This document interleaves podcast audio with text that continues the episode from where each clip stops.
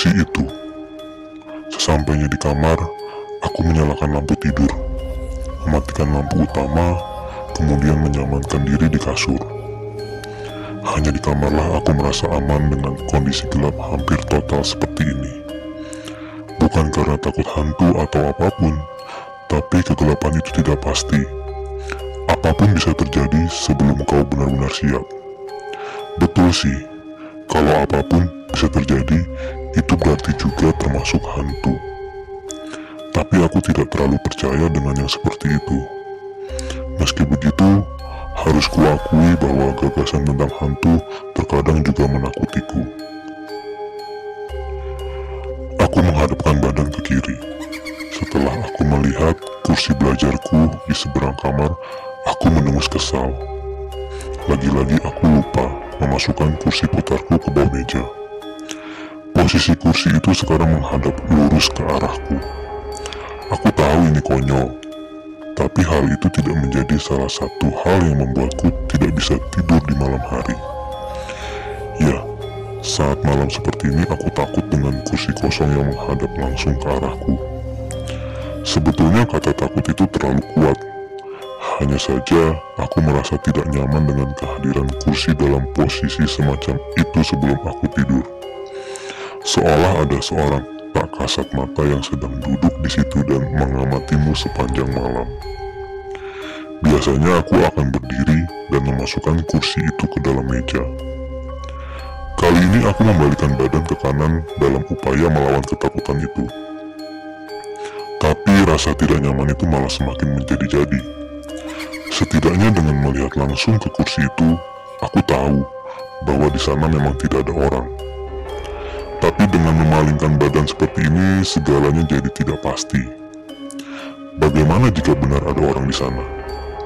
Aku memang tidak percaya pada hal-hal tak kasat mata macam itu. Tapi entah mengapa, pikiran-pikiran itu tidak bisa pergi dari benakku. Aku memejamkan mata, berusaha mengabaikan perasaan-perasaan itu.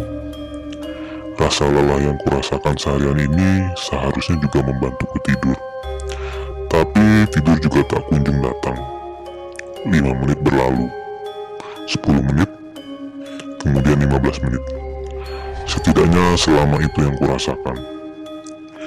Dengan kesal aku beranjak dari kasur dan memasukkan kursi belajarku ke bawah meja, membelakangi kasur.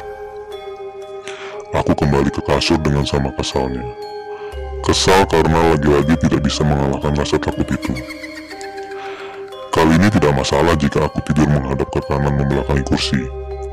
Aku sudah memastikan kursi itu berada di bawah meja. Tidur akhirnya menghampiri.